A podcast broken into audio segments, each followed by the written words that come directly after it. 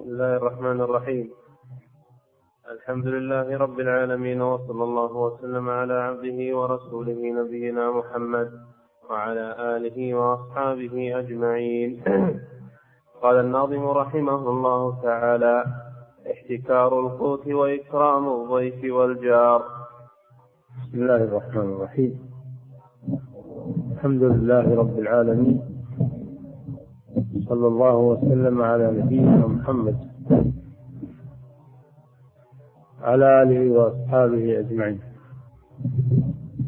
هذا الباب فيه ثلاث مسائل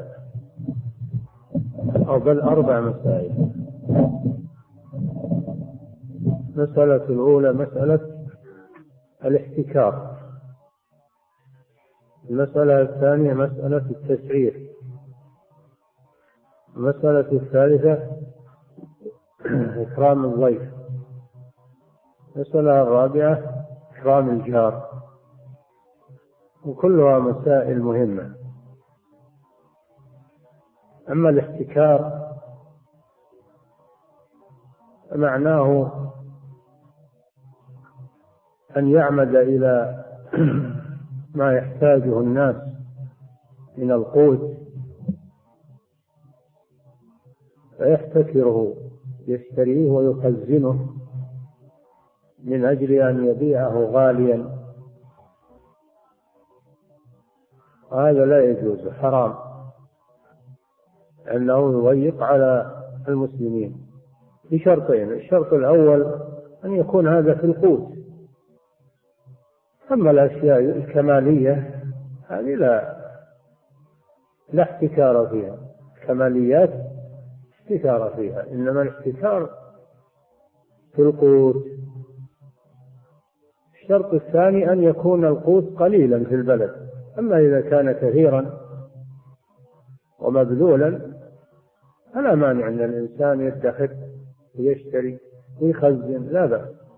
من الشيء الكثير. أنه لا يضايق الناس بذلك. هذا الاحتكار. والتسعير تحديد السعر حيث لا تباع السلعة إلا بسعر كذا. فهذا أيضا لا يجوز لأنه طلب من النبي صلى الله عليه وسلم أن يسعر امتنع من ذلك. لأن هذا ظلم للناس. إلزامهم بسعر محدد. فيه ظلم للناس. وإكرام الضيف هذا يأتي بيانه. وإكرام الجار يأتي بيانهما. نعم. ولا تحتكر قوتا فذاك محرم. ولا تحتكر قوتا. أما الكماليات التي ليست قوتا فلا يمنع من تخزينها واشترائها لأن الناس لا يتضررون بها الكماليات نعم. ولا تحتكر قوتا فذاك محرم. ذاك يعني الاحتكار. محرم لأن النبي صلى الله عليه وسلم نهى عنه. وقال الجالب مرزوق والمحتكر ملعون لأنه يضيق على الناس ويحرجهم. نعم. ولا تحتكر قوتا فذاك محرم وفي غير قوت لم يحرم بأوكد. نعم هذا مفهوم القوت. من غير قوت كماليات الطعام والشراب هذه لا لا يحرم احتكارها وشراؤها لأن الناس ما يتضررون بذلك ولا يطلبها إلا إنسان غير محتاج لها حاجة ضرورية. نعم. ويشترط للتحريم تضييق مشتر على الناس في وقت شديد معجرد. نعم هذا الشرط الثاني. بتحريم الاحتكار أن يكون القوت قليلا والجالب قليلا. ما إذا كثر القوت فلا مانع من الاحتكار نعم. ويشترط للتحريم تضييق مشتر على الناس في وقت شديد معجرد. يعني وقت وقت مسغبة أو وقت قلة للطعام. نعم. ومن غير إضرار فليس محرما كمدخر في الرخص ذا نفع اشهدي نعم. إذا كان أنه ما يضيق على الناس في في القوت والوقت وقت رخص لبيع القوت فإنه يغتنم الفرصة ويشتري ويخزنه فإذا قلت يبيعه. يطلب الرزق من الله عز وجل. هذا بيع وشراء ولا يضيق على الناس. نعم. ويحرم تسعير فربي مسعر وربما التسعير داعي التزيد. هذا المسألة الثانية التسعير وهو تحديد السعر. تحديد السعر. لا يجوز لولي الأمر أن يحدد السعر لأن هذا يضيق على الناس. الناس يطلبون الرزق يبيعون يشترون. طلبا للرزق المنافسة. فالسعر إذا ارتفع بسبب قلة المعروضات فليس للحاكم أن يتدخل أو رخص بسبب كثرة المعروضات. فهذا أيضا ليس للحاكم أن يتدخل لا في حالة الرخص ولا في حالة الغلاء لأن هذا بيد الله. ولما قيل للنبي صلى الله عليه وسلم ألا تسعر لنا؟ قال إن الله هو المسعر القابض الباسط. وإني أحب أن ألقى ربي وأني وإني أحب ألا ألقى ربي وعلي زين علي مظلمة لأحد أو كما قال صلى الله عليه وسلم. ولا أحد يطالبني بمظلمة أو كما قال صلى الله عليه وسلم. لكن الإمام شيخ الإسلام بن تيمية وابن القيم يقولون إذا كان غلاء السعر من تلاعب التجار إذا كان غلاء السعر ما هو بسبب السوق وإنما هو من تلاعب التجار. فإن فإن ولي الأمر يتدخل ويمنع التلاعب يمنع التلاعب. وأما إذا كان الغلاء ليس بسبب التجار وإنما هو بسبب قلة الأشياء هذا بيد الله سبحانه وتعالى. نعم. ويحرم تسعير فربي مسعر وربما نعم. ويحرم وربما إنه إذا سعر يكون هذا سبب للغلاء. يعني يسبب العكس. إذا سعرت السلع يكون هذا سببا لغلائها. نعم.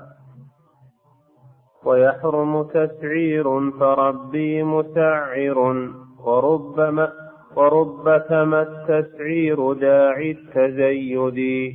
ربما يكون التسعير سببا لزيادة السعر لأن الناس إذا حدد لهم سعر صاروا ما يبيعون. ثم يجيهم المحتاج يقول بيعوا عليه لو غالي. يجيهم المحتاج ويقول بيعوا علي لو غالي. إذا سعر عليهم ما يبيعون يخزنون السلع ويقولون هاي خلها لما تغلى فيجيهم المحتاج ويقول بيعوا عليه لو غالي فيكون سبب لغلاء السعر أما إذا سمح للناس بالبيع والشراء ووكل أمرهم إلى الله فهذا سبب لرخص الأسعار. نعم. وإن تأكلا عند امرئ فادعوا له فقد أمر الهادي به ودع اشهدي هذه المسألة مع المسائل التي سبقت من آداب الطعام. هذه من آداب الطعام. إذا أكلت عند أحد فيستحب أنك تدعو له كما دعا النبي صلى الله عليه وسلم. قد أكل صلى الله عليه وسلم عند بعض أصحابه فلما فرغ قال أفطر عندكم الصائمون؟ وأكل طعامكم الأبرار وصلت عليكم الملائكة. فيستحب لمن أكل عند أحد أن يدعو له بهذا الدعاء. هو يقوم يخرج فقط بل يدعو له. نعم. وكن مكرما للخبز غير مهينه وأرغفة صغر وللعجن جودي نعم. يجب احترام النعمة عدم امتهانها. كالخبز مثلا فلا تمتهنه؟ لأنه نعمة من الله سبحانه وتعالى. لا تلقه في الأرض. يقولون ولا تمسح به السكين أو الملعقة لأن هذا إهانة له. ولا ينبغي تكبير الخبز الخبز الكبار. كان الإمام أحمد يكره الخبز الكبار يصغر الخبز بحيث أنه ما يتعرض للامتهان. لأن إذا كبرت سبب هذا أنها تمتهن. نعم. وضيفك أكرمه وعجل قراءه وقل مرحبا في ذا بأحمد تقتدي. نعم. هذا إكرام الضيف. المسألة الثالثة. إكرام الضيف. والضيف هو الذي ينزل بك طلبا للقراءة. ينزل للشخص طلبا للقراءة. هذا هو الضيف. له حق على المضيف. وأول من أول من شرع الضيافة إبراهيم عليه السلام. لما جاءته الملائكة وظنهم آدميين وبادر وجاء بعجل سمين قربه إليهم. قال ألا تأكلون؟ فهو أول من شرع الضيافة عليه الصلاة والسلام. ففي ذلك اقتداء بالخليل عليه السلام. وكذلك نبينا محمد صلى الله عليه وسلم كان يكرم أضيافه ويحتفي بهم وحث على إكرامهم. قال صلى الله عليه وسلم من كان يؤمن بالله واليوم الآخر فليكرم ضيفه جائزته. قالوا وما جائزته يا رسول الله؟ قال يومه وليلته. والضيافة لما تكون في البلد الذي ليس فيه مطاعم وليس فيه فنادق كالقرية مثلا وكذلك في البادية لأن القرية والبادية ليس فيها طعام يجده المسافر. لا فيها مطاعم ولا فيها فنادق ولا فيها نزولات فيضطر إلى الضيافة. أما في المدن فلا حاجة إلى الضيافة لأن المسافر يجد مأوى ويجد الأكل والشرب للبيع والشراء. إلا إذا لم يكن معه نقود. هذا يسمى بابن السبيل. هذا يسمى ابن السبيل. وهذا له حق من الزكاة. نعم.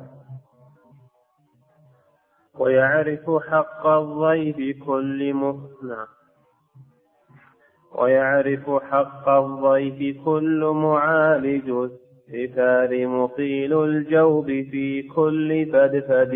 بعد عند البيت اللي قبله وضيفك أكرمه وعجل قراءه أكرمه أكرمه ولا تهنه وعجل قراءه وراغ إلى أهله فجاء بعجل سمين عجل لأن الضيف بحاجة إلى إلى المبادرة. ولأن هذا يدل على الكرم. خلاف اللي يتباطأ ويشق على الضيف بتأخير الضيافة. يتمنن. نعم. هذا حق هذا حق واجب. ما هو ما هو بتبرع ليس هذا تبرع إنما هو حق واجب. خير الضيف هذا حق واجب. نعم. وضيفك أكرمه وعجل قراءه. وقل مرحبا في ذا بأحمد فاقتدي. يعني أكرمه بالفعل وبالقول بالفعل تعجل قراءه وبالقول ترحب به. ولا تقابله بوجه عابس أو مكفر أو متكره للضيف إن هذا واجب عليك وفيه أجر. وإكرامه فيه أجر.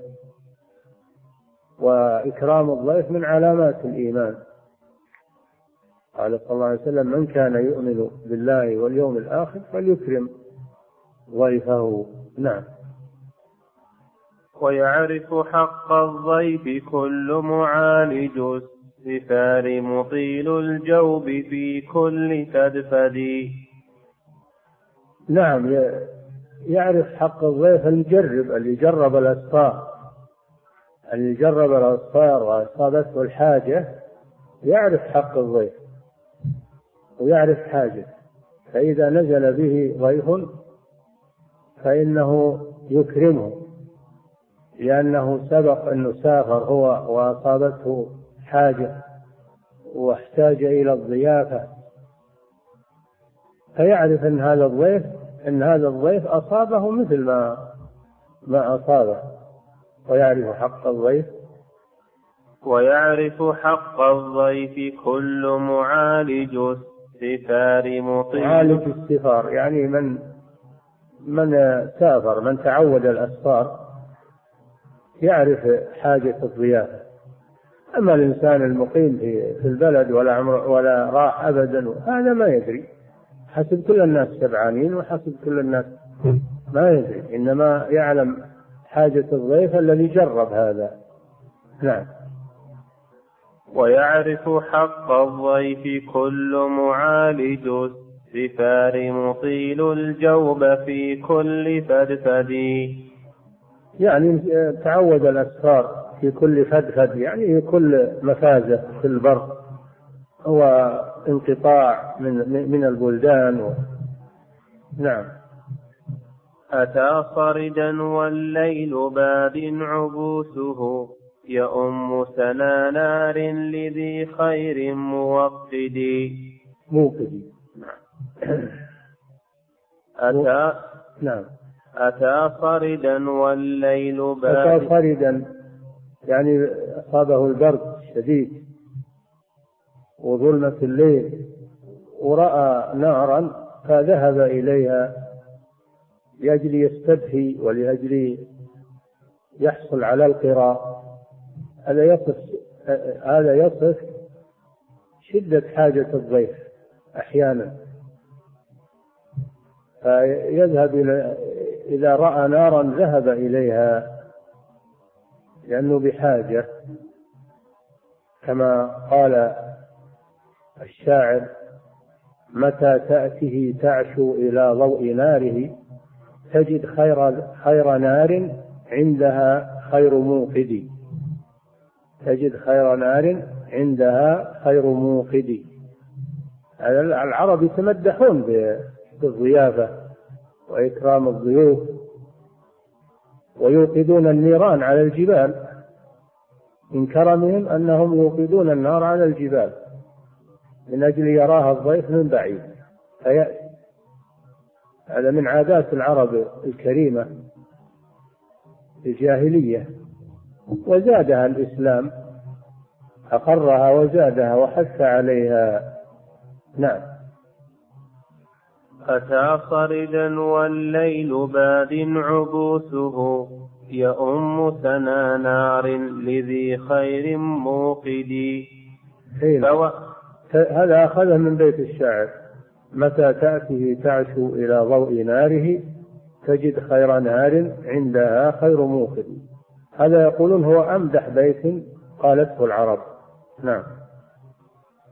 فواساه من زاد وأبدى بشاشة وأذهب عنه القر توطيد مرقدي نعم فلما أتاه بش به استقبله بالترحاب وأدفأه وعشاء وجعل له غطاء ومناما ينام فيه. هذا من من أبلغ المكارم وهذا فيه أجر عظيم. هذا فيه أجر عظيم وإكرام الضيف من عادات العرب الحميدة قبل الإسلام وأقرها الإسلام. نعم. فكم بين هذا وامرئ بات ضيفه مضاجع جوع مسهر وتصرد نعم. الفرق بين هذا الذي يرحب ويدفئ الضيف من البرد ويشبعه من الجوع أو الآخر الذي يبيت ضيفه جائع. يبيت ضيفه جائعا. هذا مذموم. وآثم وتارك لواجب عليه. نعم وهذا يذمه العرب ويذمه ويذمه الشرع. نعم. فلا خير؟ يبيت ضيفه جائعا و وأصاب ويصيبه البرد الشديد مصرد يعني من من البرد. فهذا مذموم. هذا مذموم. وليس هذا من طبائع العرب ولا من أخلاق المسلمين. نعم. فلا خير في من لا يضيف هكذا. روي مسندا عن غير هاد محمد.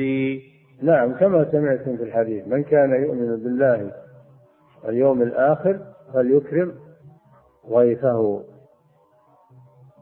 فالذي لا يكرم ضيفه لا خير فيه. لا خير فيه. نعم. ألا قاتل الله البخيل لظنه فللضيف رزق واصل لم يزهد. هذا دعاء عليه. قاتل الله البخيل يعني هذا لعن. قاتله يعني لعنه. البخيل الذي يبخل بالمال. عن الضيف والظن هو البخل. الظن بالمال يعني بخل به وما هو على الغيب بضنين أي ببخيل. بل يبلغ ما أوحى الله إليه. الظنين البخيل. وقيل الظنين المتهم وما هو على الغيب بظنين يعني بمتهم بالكذب. الظن بالضاد البخل. وأما الظن بالضاء فهذا آه، ترجح أحد الاحتمالين على الآخر. نعم. وللمسلم تردد أمر الظن تردد تردد الشيء بين بين أمرين أحدهما أرجح من الآخر. نعم.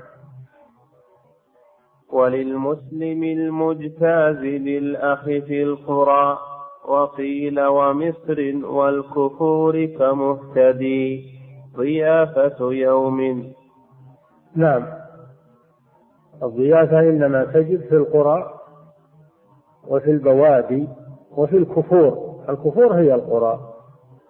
الكفور جمع كهر وهو القرية أو أو المزارع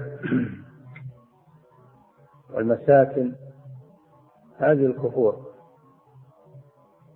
فالضيف يكرم في في القرى وفي الكفور وفي وفي الفلوات والبراري لأن هذه المواطن لا يجد فيها المسافر طعاما يشتريه ولا مكانا ولا مكانا يستدفئ فيه. فلذلك صار له حق على المضيف. نعم. ضيافة يوم أو جبن وليلة وقيل ثلاثا وهي ندب بأجود. ضيافة الواجبة يوم وليلة. وثلاثة الأيام هذه مستحبة. ثلاثة أيام مستحبة واليوم والليلة هذه واجبة لا بد منها. نعم. ضيافة يوم أوجبن وليلة. أوجبن يعني ضيافة يوم وليلة وأوجبن وهذا واجب. نعم.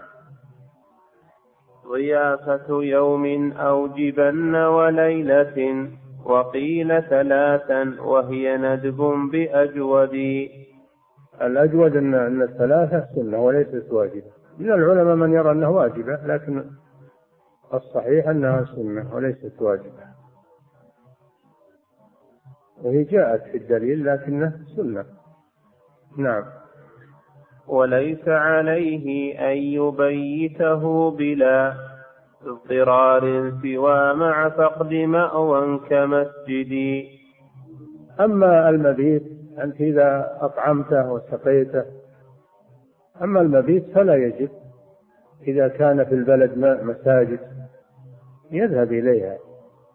وأما إذا لم يكن هناك مسجد والوقت بارد فإنه يجب له المبيت أيضا للحاجة. نعم. وإن خاف منه لا وليس عليه أن يبيته بلا ليس على المضيف أن يبيت الضيف عنده إذا كان في في البلد مساجد أو محلات يأوي إليها.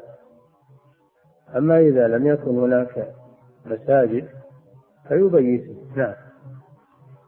وليس عليه أن يبيته بلا اضطرار سوى مع فقد مأوى كمسجد. نعم. وإن خاف منه لم يجب مطلقا سوى. إذا اضطر قط وليحترس خوف مفسد نعم. يبيت الضيف إذا لم يكن في البلد مأوى كالمسجد.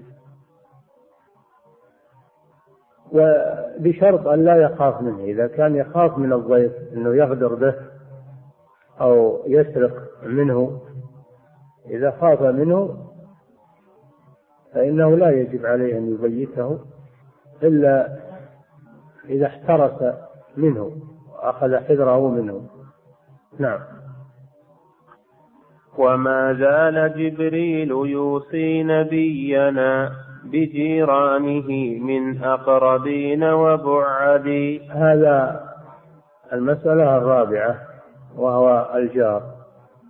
الجار الله جل وعلا أوصى به وجعل له حقا من ضمن الحقوق العشرة مذكورة بقوله تعالى واعبدوا الله ولا تشركوا به شيئا وبالوالدين إحسانا وبذي القربى واليتامى والمساكين والجار ذي القربى والجار الجنب والصاحب بالجنب وابن السبيل وما ملكت أيمانكم. هذه تسمى آية الحقوق العشرة. ومنها حق الجار. حق الجار. الله جل وعلا جعل له حقا على جاره. والنبي صلى الله عليه وسلم يقول ما زال جبريل يوصيني بالجار حتى ظننت أنه سيورثه. قال صلى الله عليه وسلم ومن كان يؤمن بالله واليوم الآخر فلا يؤذي جاره. في رواية فليكرم جاره. الجار له حق. ولو كان كافرا ولو كان كافرا له حق. يقولون الجيران ثلاثة هذا في الحديث. الجيران ثلاثة. جار له ثلاثة حقوق وهو الجار القريب المسلم. له حق الجوار وحق القرابة حق الإسلام. وجار له حقان وهو الجار غير القريب المسلم له حق الجوار وحق الإسلام. وجار له حق واحد وهو الجار الكافر له حق الجوار. دل على أن الجار له حق ولو كان كافرا. نعم. وما زال جبريل يوصي نبينا بجيرانه من أقربين وبعدي. الأقربين يعني أقاربه أو بعد عنه في النسب وإنما مجرد جيران. مجرد أنهم جيران. وحق الجار أن حق الجار أن تكرمه وأن تتعاهده بالهدية وفي إتحافه بشيء مما تطبخ في بيتك. النبي صلى الله عليه وسلم قال آه، لأبي هريرة إذا طبخت مرقة فأكثر ماءها وتعاهد جيرانك. فيعطيهم مما مما يحصل عنده من الفواكه أو من اللحوم. وكذلك يكف أذاه عنهم يكف أذاه عنهم فلا يطلع عليهم في في بيتهم من من خلال فرجة أو من خلال باب. فلا يطلع على هذا في في عموم البيوت في عموم البيوت. وفي بيت الجار من باب أولى لا يطلع على عوراته ولا يستمع لكلامه وكلام نسائه يصنت عليهم يستمعوا شو يقولون لا يجوز هذا هذه أسرار. ولا ولا يغرس شجرة ولا يغرس شجرة تمتد أغصانها أو عروقها إليهم ولا يعمل في بيته عملا يقلق الجيران كأن يجعل فيه طاحونة أو مكينة أو شيء يقلق الجيران أو يجعل جانبهم روائح كريهة كالكنيف الحمام. يؤذيهم به. فالحاصل أنه يبذل لهم يبذل لهم الخير ويكف عنهم يكف عنهم الشر. نعم. وما زال جبريل يوصي نبينا بجيرانه من أقربين وبعدي. إلى أن ظن أن سيورث الجار يا فتى وأقربهم بالبر أولى فجودي. نعم كما ذكرنا الجيران كما جاء في الحديث ثلاثة جار له ثلاثة حقوق وجار له حقان وجار له حق واحد فدل على أن الجار له حق على كل حال. نعم. ومن داره تعلو على الجار يلزما بنا يستر الأدنى لباغي تصعدي لا ترفع عليه البناء تحجب عنه الهواء أو أو يحصل اطلاع على بيته. وإن احتجت إلى البناء فطول الجدار طول الجدار بحيث لا يحصل اطلاع على بيت الجار. والنوافذ لا تجعل عليه نوافذ. لأن هذا يحصل منه أذى للجار. نعم. ومن داره تعلو على الجار يلزما بنا يستر الأدنى لباغي تصعدي. يلزما نعم. ويلزم أيضا ومن ومن داره تعلو على الجار يلزما بنا يستر الأدنى لباغي تصعدي إذا بغيت تصعد البناء وترفع تجعل شيء يستر الجار ولا تطلع عليه أنت أو أحد من أولادك أو أحد ممن يأتيك. نعم. ويلزم أيضا سد طاق على ولو تقدم ودعوى لا أرى لا تقلدي ويلزم أيضا سد النوافذ ولو كانت النوافذ متقدمة قديمة قبل يجي الجار يلزم سدها لأن فيها أذى للجار. بعضهم يقول إذا كانت قديمة فلا. يقول هو لا هذا ما هو صحيح الكلام هذا. ولو كانت قديمة. أعد. ويلزم أيضا سد طاق على ولو تقدم. على يعني ارتفع على يعني ارتفع على الجار. نعم.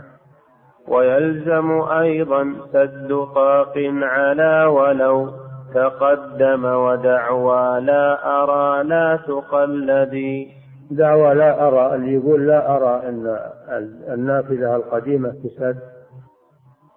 يقول هذا قول ضعيف لا تقلده. لأن المعنى لأن لأن المدار على الأذى لا على قدم الطاقة أو حداثتها. على ما يترتب عليها الاعتبار بما يترتب عليها من الأذى. نعم. ومن يأبى ألزمه البناء مع جاره إذا استويا في الارتفاع بأجوده. نعم. إذا احتاج بناء إذا انهدم الجدار اللي بين الجيران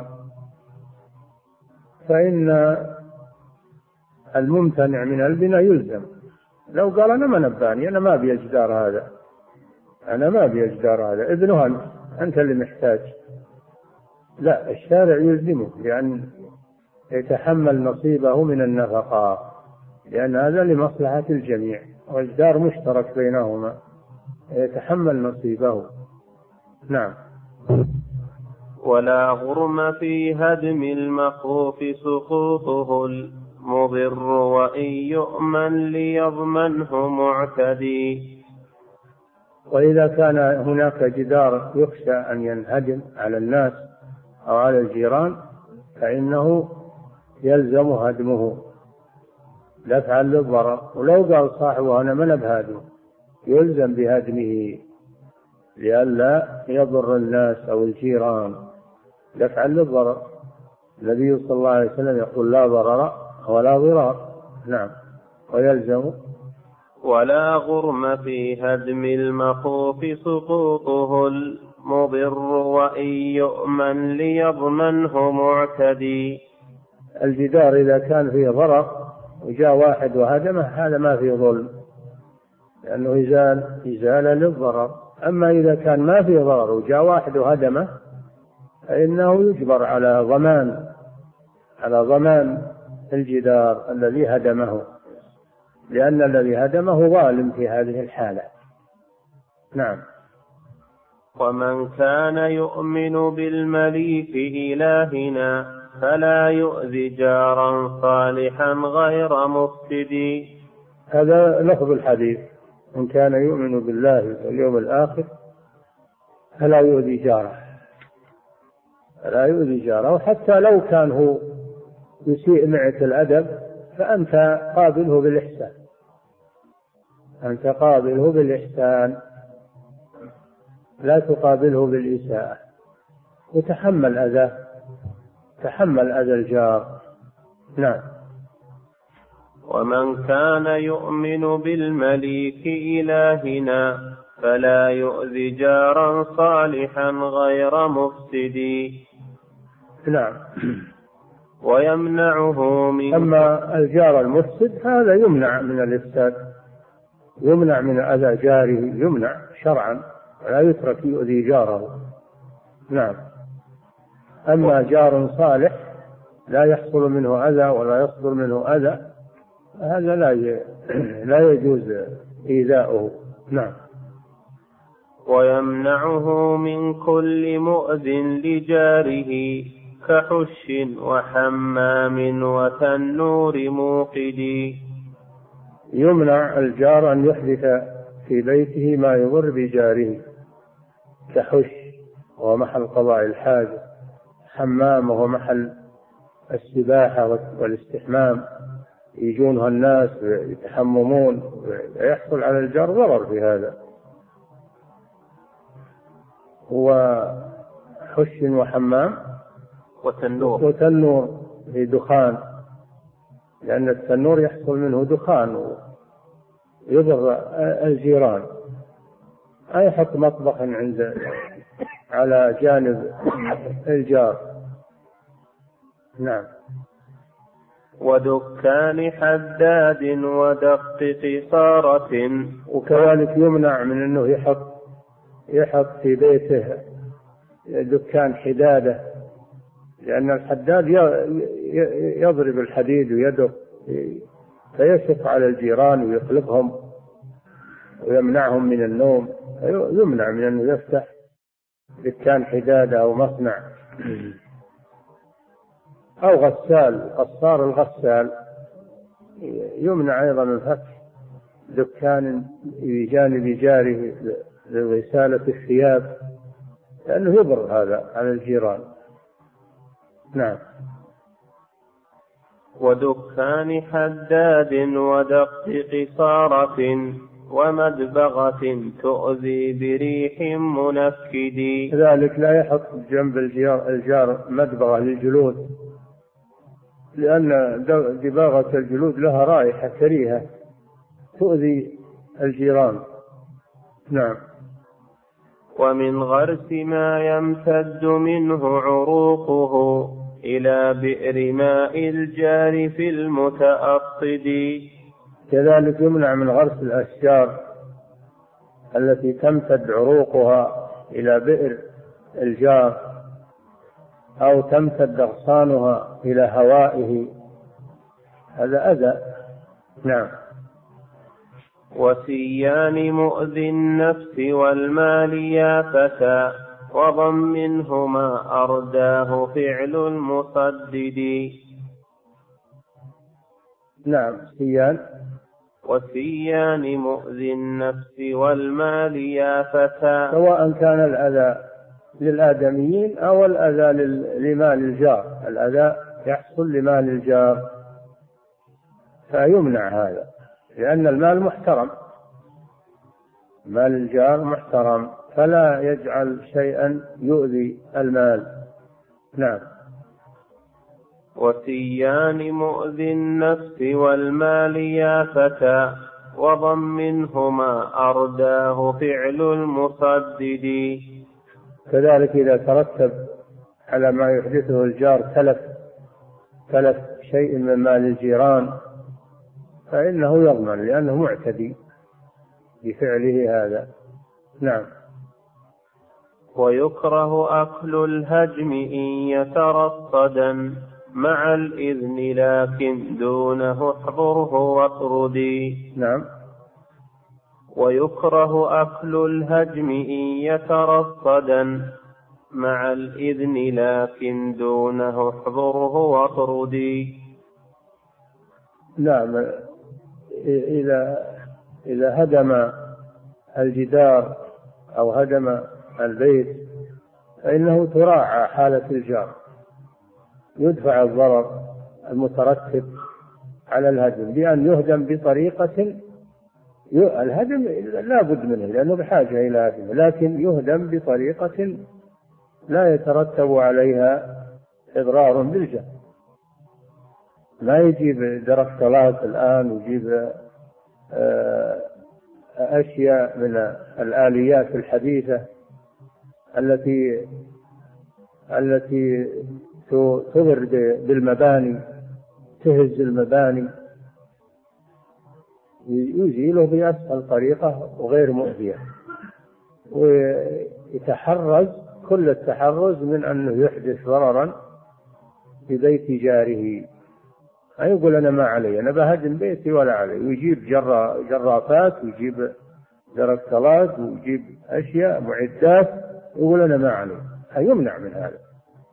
نعم. إذا يهدم بالأيدي. إذا كان هدمه بالآليات يضر فيهدم بالأيدي بأيدي العمال. نعم. ويكره أكل الهجم إن يترصدا مع الإذن لكن دونه احضره واطردي نعم. يعني نعم ويكره أكل الهجم. أكل الهجم بالجيم. الهجم إي نعم. يكره إيش؟ ويكره أكل الهجم إن يترصدا مع الإذن لكن دونه احضره واطردي. هذا من آداب الطعام. أنا ما أدري كيف يعني هالتنظيم في, الأبيات. هو الظاهر أنه من تصرف الناس. هذا من من أحكام الطعام سبق هذا. سبق الكلام على آداب الطعام والأكل والشرب. نعم. وبش إلى الضيفان وامزح على القرى. شوف الآن جاء رجع إلى الضيف وهو وهو يتكلم عن عن الجوار وأحكام الجوار. دل على أن النظم هذا ما هو من وضع الناظم وإنما هذا تصرف الله أعلم من النساخ. نعم. وبش إلى الضيفان وامزح على القرى لتذهب عنه خجلة المتنكد. نعم هذا سبق أنك تقابل الضيف بالبشاشة حتى يطمئن ولا يخجل من نزوله بك.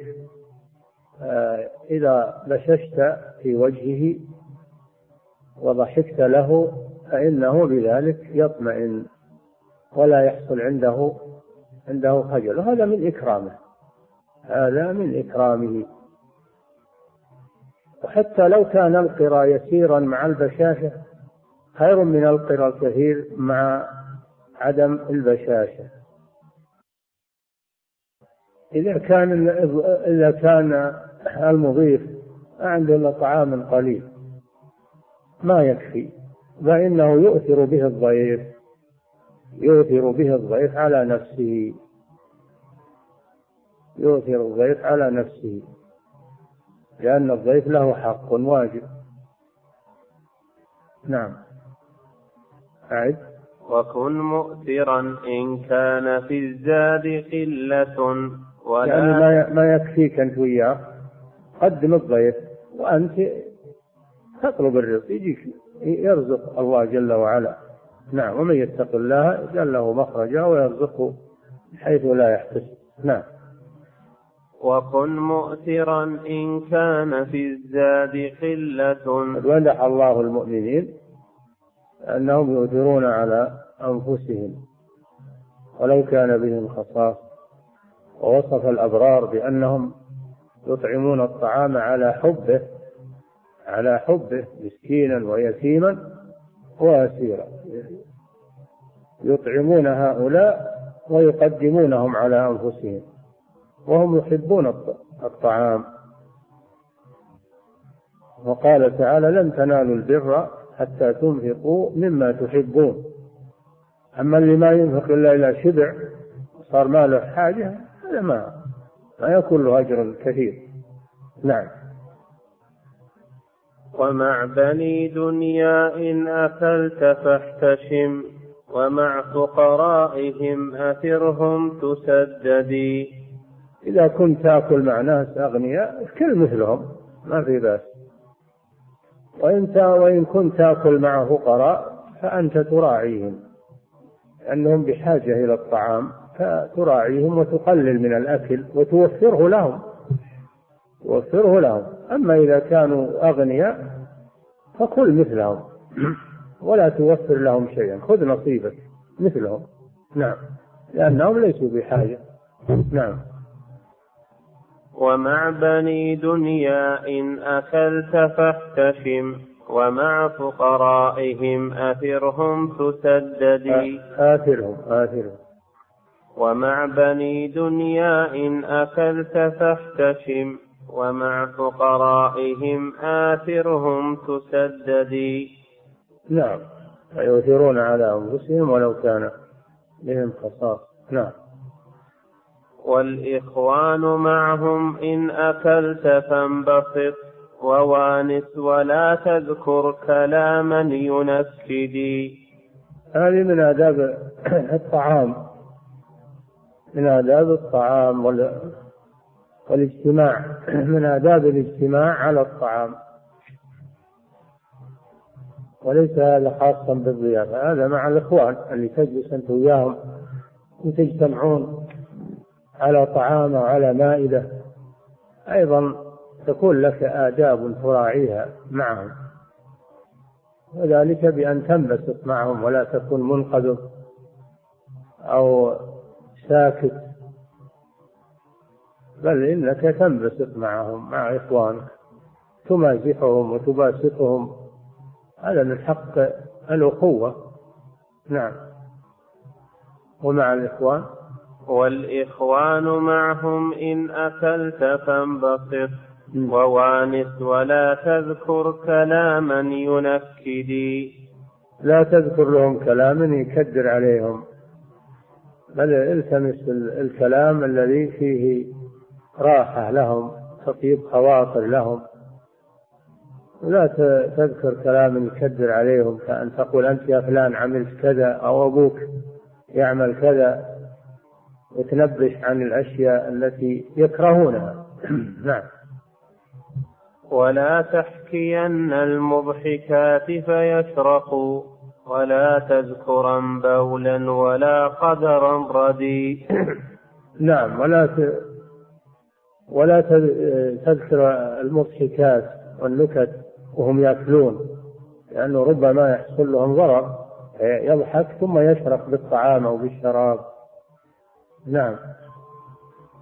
وكذلك لا تذكر لهم آه، الأشياء المذمومة كالبول والغائط والأشياء وهم يأكلون لأن هذا يكره الطعام لهم. نعم. ولا تحقرا شيئا يقدم للقرى وتعجيل نزر زينة للمصرد نعم رجع إلى أحكام الضيف. يقول لا تحقرن القليل من القراء لا تحقرن ولو كان قليلا قدمه وبادر به. نعم. ولا, تحقرن شيئا يقدم للقرى وتعجيل نزر زينة للمصرد. تعجيله ولو كان قليلا ولو كان قليلا فهو أحسن من التأخير ولو كان التأخير كثيرا. نعم. لأن لأن الضيف قد يكون جائعا ولا يتحمل الانتظار فقدم له الموجود عندك. قدم له الموجود عندك ولا تتكلف شيئا غير الموجود. لا تتكلف المفقود. تروح تشري ذبايح وتشري مو بلازم. قدم له الموجود عندك. تحمل الديون قد تعجز عنها. الله ما أمرك بهذا. أمرك أن تقدم الموجود ولا تتكلف المفقود. نعم. ويكره أكل الترب إلا تداويا وأكل خبيث الريح غير مصخد هذا من أحكام الأطعمة. أكل التراب أكل التراب يحرم لأنه مضر. إلا إذا كان فيه دواء إذا وصف بأنه دواء فلا بأس بأكله. أما إذا كان ما فيه فائدة دوائية فإن أكله يضر بالصحة.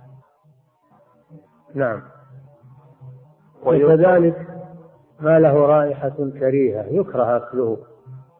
كالثوم والبصل والكراث لأن الناس يتضايقون من روائح هذه الأشياء ولا سيما في المساجد. فمن كان فيه رائحة كريهة فلا يدخل المسجد. وكذلك المجالسة. هل جلس الناس وانت تاكل كراس ولا اكل فوم ولا بصل فتؤذي الجلساء بعض الناس ما يبالي. وأشد من ذلك الدخان رائحة الدخان كريهة خانقة. ويجي يجلس مع الناس ويضحك معهم ويضايقهم برائحته. وأشد من ذلك المسجد. يدخل المسجد وهو بهذه الرائحة الكريهة. فينبغي للمسلم أنه يتأدب ويقطع الروائح التي تؤذي وإن كان هو لا يأنف منها لكن الناس يأنفون منها ويتضايقون منها. بل ذكروا إن الدخان إن الدخان اللي يشرب الدخان عند الناس يدخن إن إنهم يتضررون. الدخان ما هو بقاصر القرورة على اللي يشرب بل حتى من من شمه من شمه فإنه يضره لأنه يعني يدخل إلى جوفه ويدخل إلى خياشيمه فيضر من يشمه.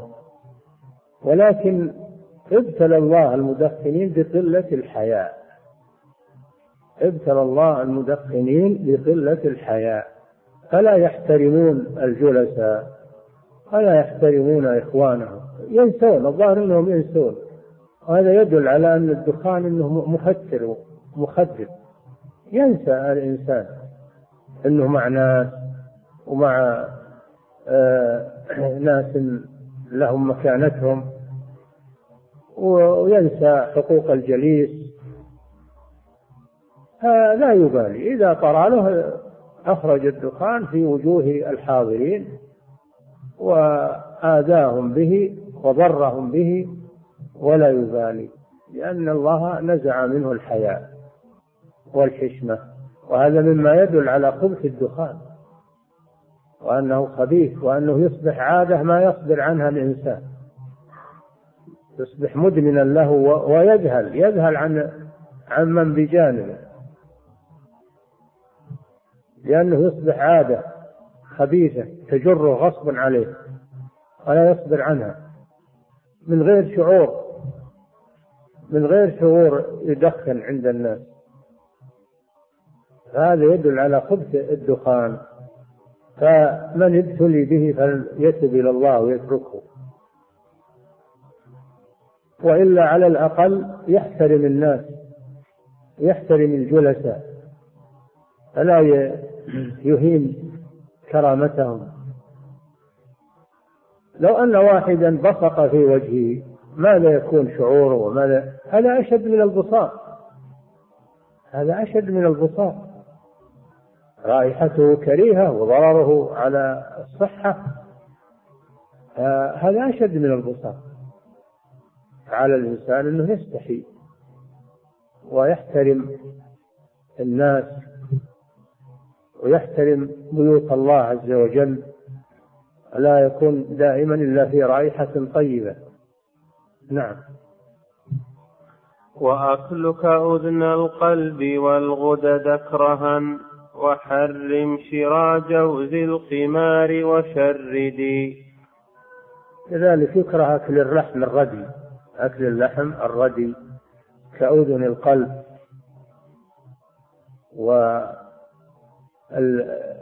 والأطراف من اللحم التي فيها ضرر الغدد وإذن القلب والأشياء التي هي مضرة لا تأكلها. نعم ويكره.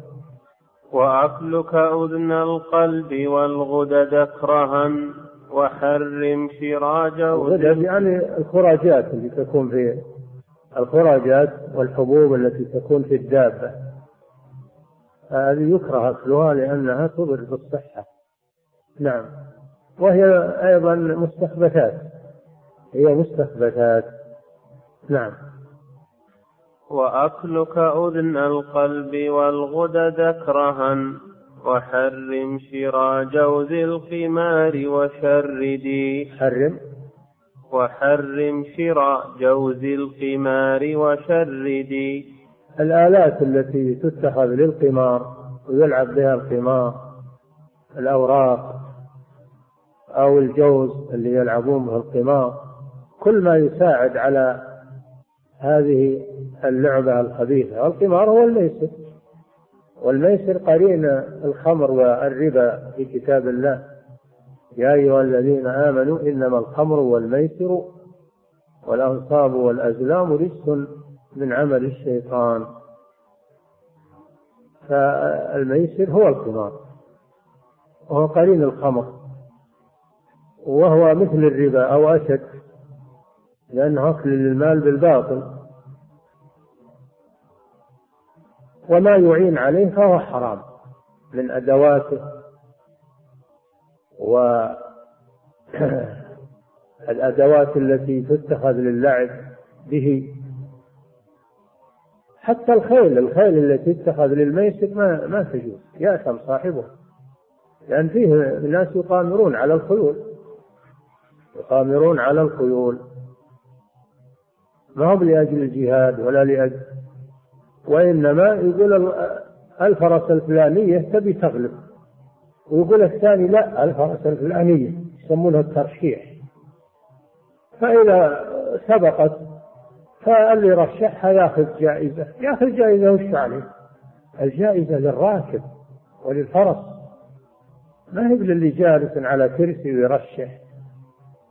ويدعي علم الغيب ويقول تسبق الجواد الفلانية. فإذا سبقت ياخذ جائزة هذا حرام. هذا ميسر هذا من المغالبات المحرمة والمراهنات المحرمة رهان رهان محرم فكل ما يعين على المكاسب المحرمة فإنه محرم. نعم. أحكام الثمار والجلالة. نعم. أحسن الله إليك. أحسن الله إليكم صاحب الفضيلة. هذا السائل يقول هل هناك تحديد لنسبة معينة من الربح كأن تشتري سلعة بعشرة ريالات ثم أبيعها بعشرين أو أكثر أو أقل قليلا؟ هذا حسب السوق. تبيع حسب السوق حسب السعر. ولا تغرر بالمشتري إذا كان ما يعرف السعر ترفع عليه السعر. أو تقول أنا شاريها بكذا وأنت ما تكذب عليه. أو تقول إنها سيمت بكذا وكذا وأنت تكذب. هذا النجش الذي صلى الله عليه وسلم قال ولا تناجشوا. فالزيادة إذا كانت جارية في السوق لا بأس بها. أما إذا كانت نتيجة كذب وخداع ومكر وتغرير فهي حرام. نعم. أحسن الله إليكم صاحب الفضيلة. هذا السائل يقول هل بيع السلعة بسعرين جائز؟ حيث الشخص الذي يكاسر يأخذ بسعر أقل والذي لا يكاسر يأخذ بسعر أكثر.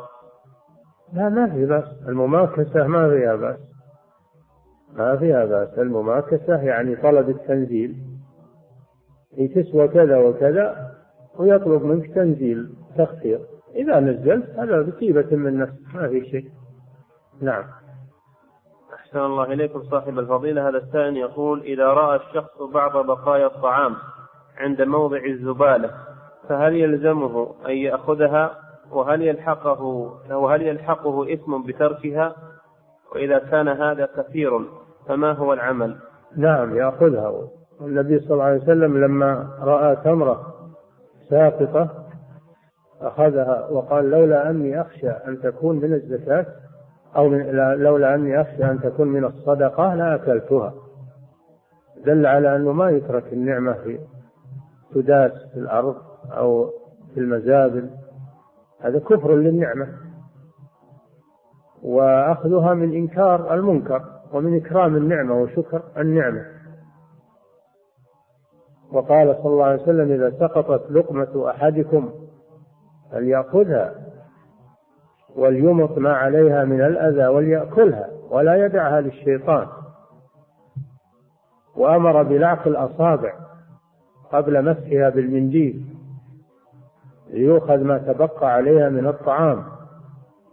فالطعام محترم والنعمة تكرم وتشكر ولا توضع في المزابل ومن يضعها ينكر عليه ويمنع من ذلك.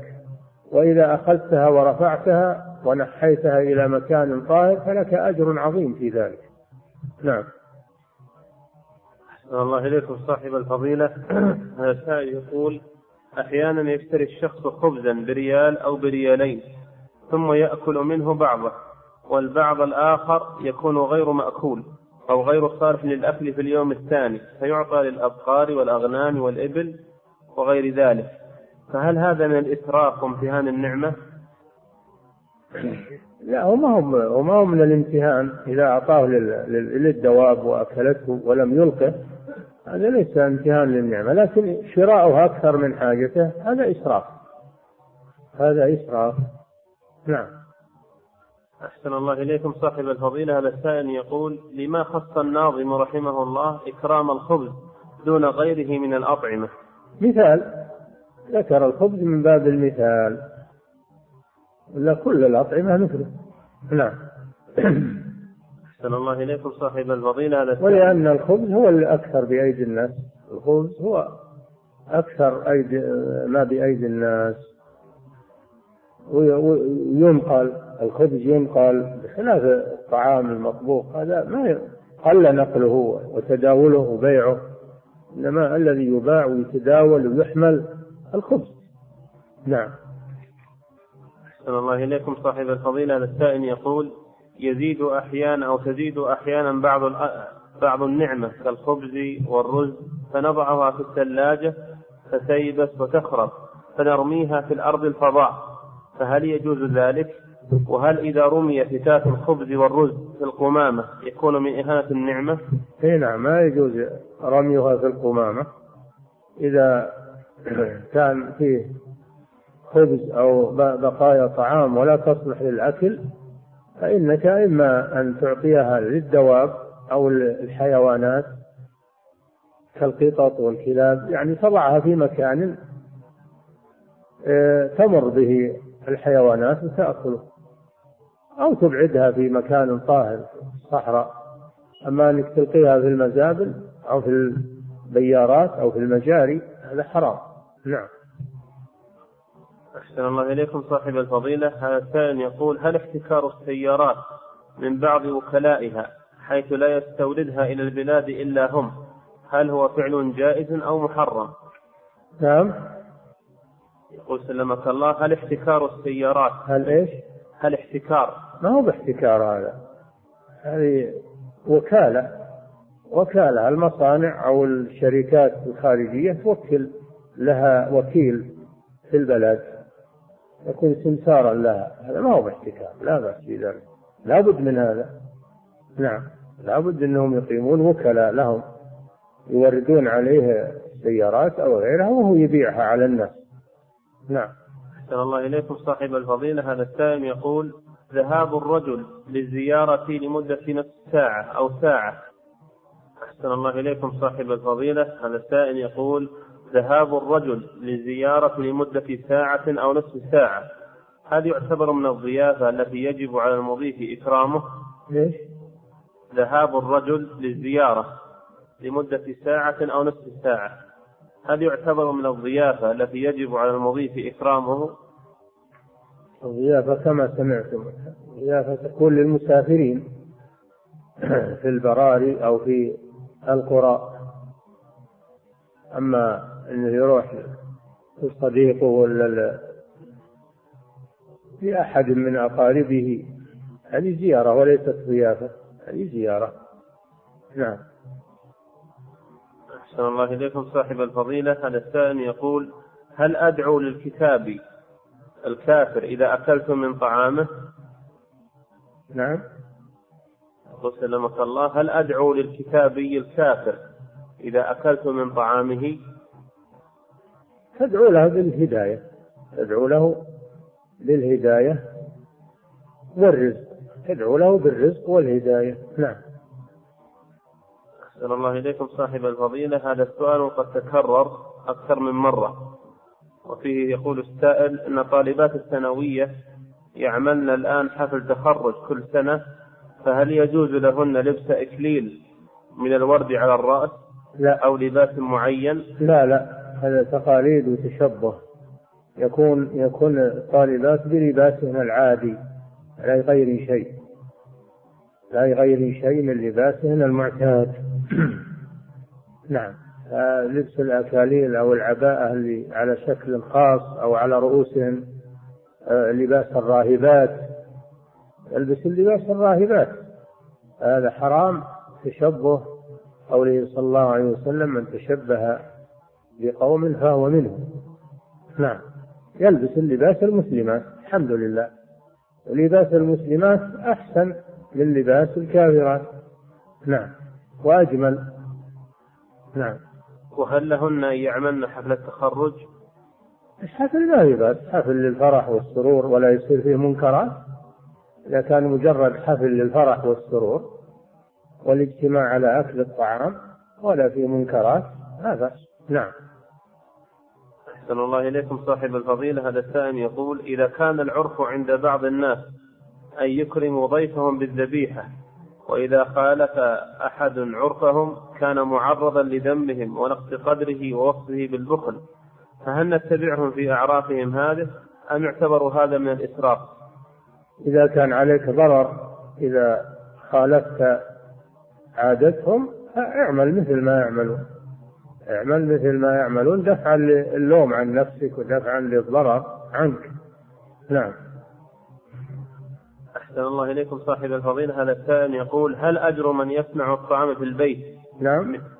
يقول هل أجر من يصنع الطعام في البيت لإكرام ضيفانه أكثر من أجر من يأتي به من الخارج كالمطاعم وغيرها؟ ما ما هو ما هو بلازم المهم إنه يجيب لهم طعام سواء من بيته أو يشتريه من المطعم. لكن قد يكون إنه إذا صنع في بيته يكون أرغب لهم.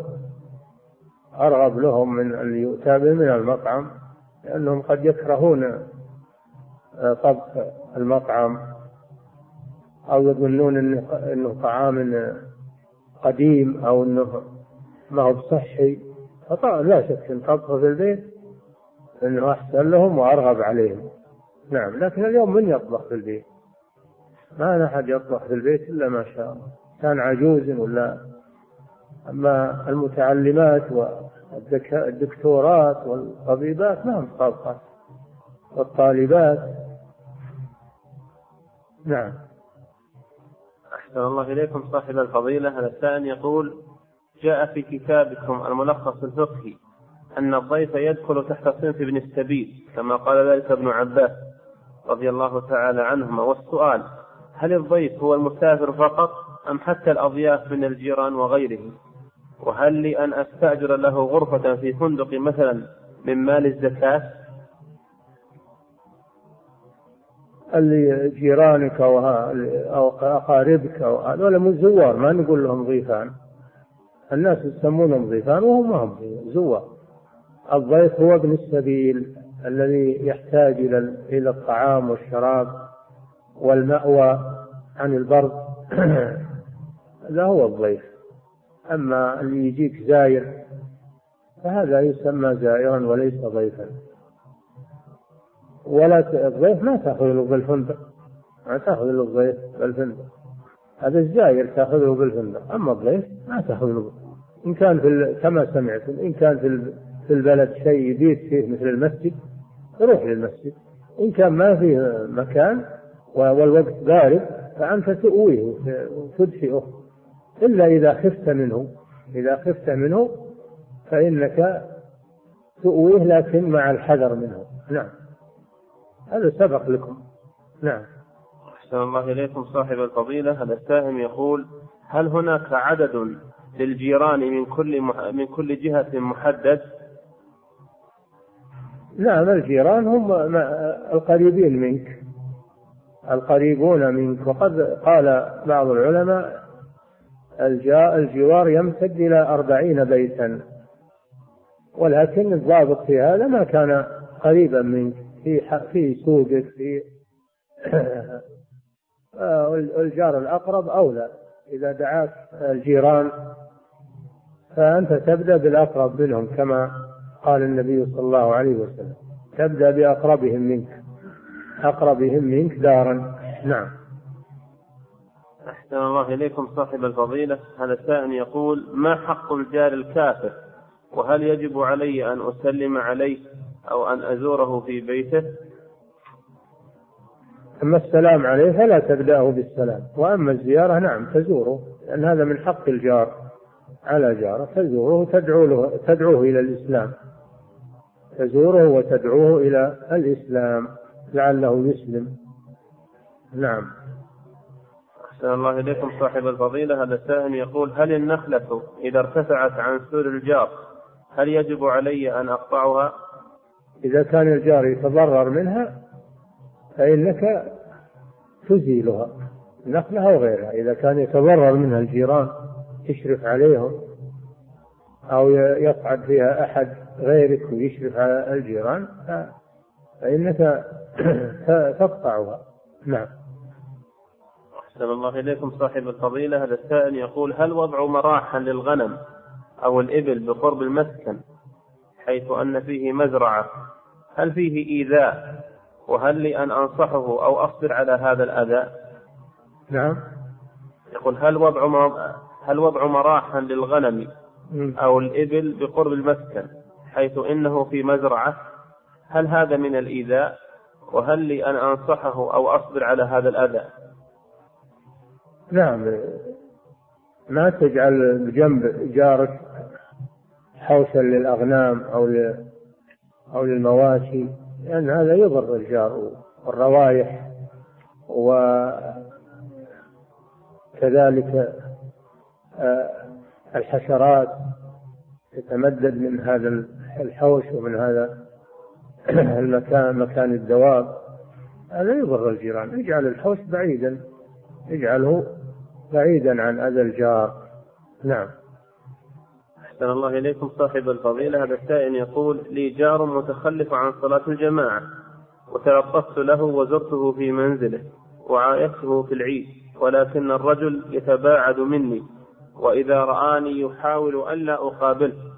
وسألت عنه في عمله فعرفت أنه رجل يحذر منه ومن سلوكه وأنا لا أحب أن أجد منه كلمة تضيق صدري ولا أحسن التصرف معه. فما هو التصرف مع هذا الرجل؟ أفتون في ذلك. لا تؤذه. أقول لا تؤذيه وله حق الجوار وإذا كانت الزيارة تؤثر فيه وتقلل من شره فإنك تزوره أما إذا كان ما تؤثر فيه ولا تقلل من شره اتركه. لكن لا تؤذه. لا يصدر منك أذى في حقه. نعم. أحسن الله إليكم صاحب الفضيلة. هذا السائل يقول هل أحكام الضيافة تكون خاصة للمسافر فقط أم للمسافر مع المقيم؟ أو؟ المسافر مع المقيم. الضيافة للمسافر. أما المقيم هذا ما ما ما, ما هو ضيف إذا جاءك هو زائر لك. هذا من الزوار الزيارة إنما الضيافة للمسافر نعم. أحسن الله إليكم صاحب الفضيلة. هذا السائل يقول إذا جاءك ضيف وأردت أن تعرف هل هو صاحب سنة أم بدعة؟ النبي صلى الله عليه وسلم يقول إن لزورك إن لزورك عليك حق، الزائر له حق، لكن ما يعتبر مثل الضيف، نعم. أحسن الله إليكم صاحب الفضيلة هذا السائل يقول إذا جاءك ضيف وأردت أن تعرف هل هو صاحب سنة أم مبتدع؟ وذكرت شيئا مما يكرهه يتبين حاله فهل يجوز ذلك؟